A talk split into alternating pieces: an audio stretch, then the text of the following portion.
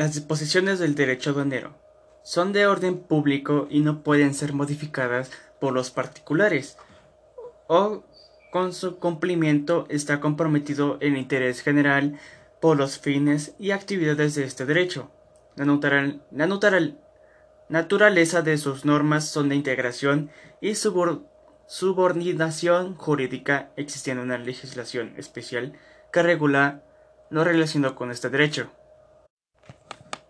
El derecho aduanero, además de ser de derecho público interno, tiene siempre una finalidad internacional, ya que contiene un elemento de extranjería, ya sea por la mercancía, la, persona o, y o el país de origen de ambos, o por lo que es público, por lo interno y lo internacional.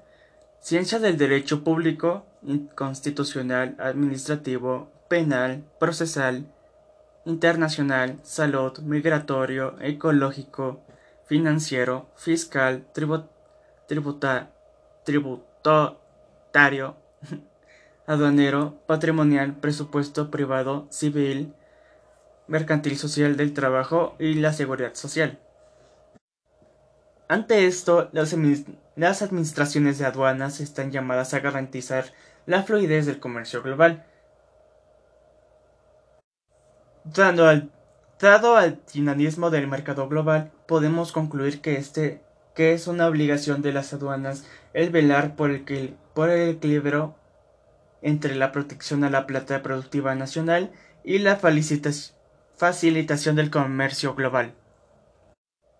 Ya para dar como finalizado este tema, recuerden que siempre tenemos, bueno, que desde ahora tenemos que se que sigamos siguiendo las señales de higiene, cubrirnos con el antebrazo al toser o estornudar, no compartir cubiertos, lavarse las manos frecuentemente. Lo que este derecho nos enseñó es que aún hay una pandemia. No salir de nuestras casas y sobre todo mantener nuestra distancia. Si seguimos estas preocupaciones, estas recomendaciones, puede que la pandemia se acabe pronto.